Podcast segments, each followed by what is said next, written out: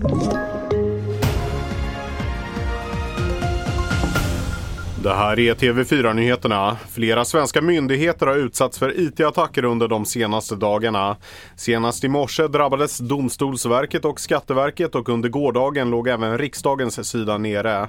Enligt Myndigheten för samhällsskydd och beredskap pågår det på sociala medier en mindre våg av grupper som postar information om verksamheter att ge sig på.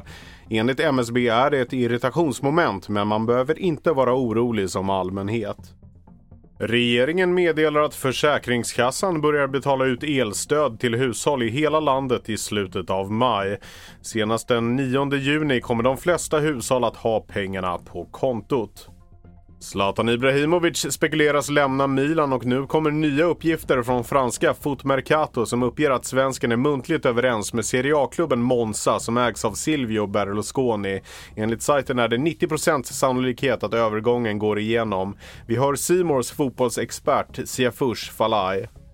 Det som det här tyder på är väl att Zlatan vill ge fotbolls-EM 24 en, eh, en ärlig chans. Och eh, då måste man spela fotboll och helst så måste man, ska man spela fotboll i Champions League eller Europa League.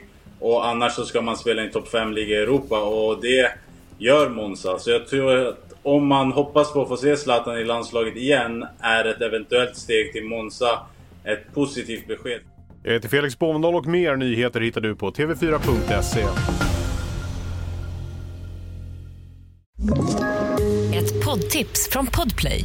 I fallen jag aldrig glömmer djupdyker Hasse Aro i arbetet bakom några av Sveriges mest uppseendeväckande brottsutredningar.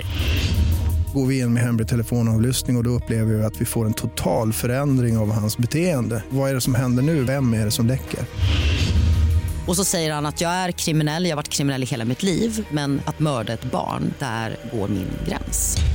Nya säsongen av Fallen jag aldrig glömmer på Podplay.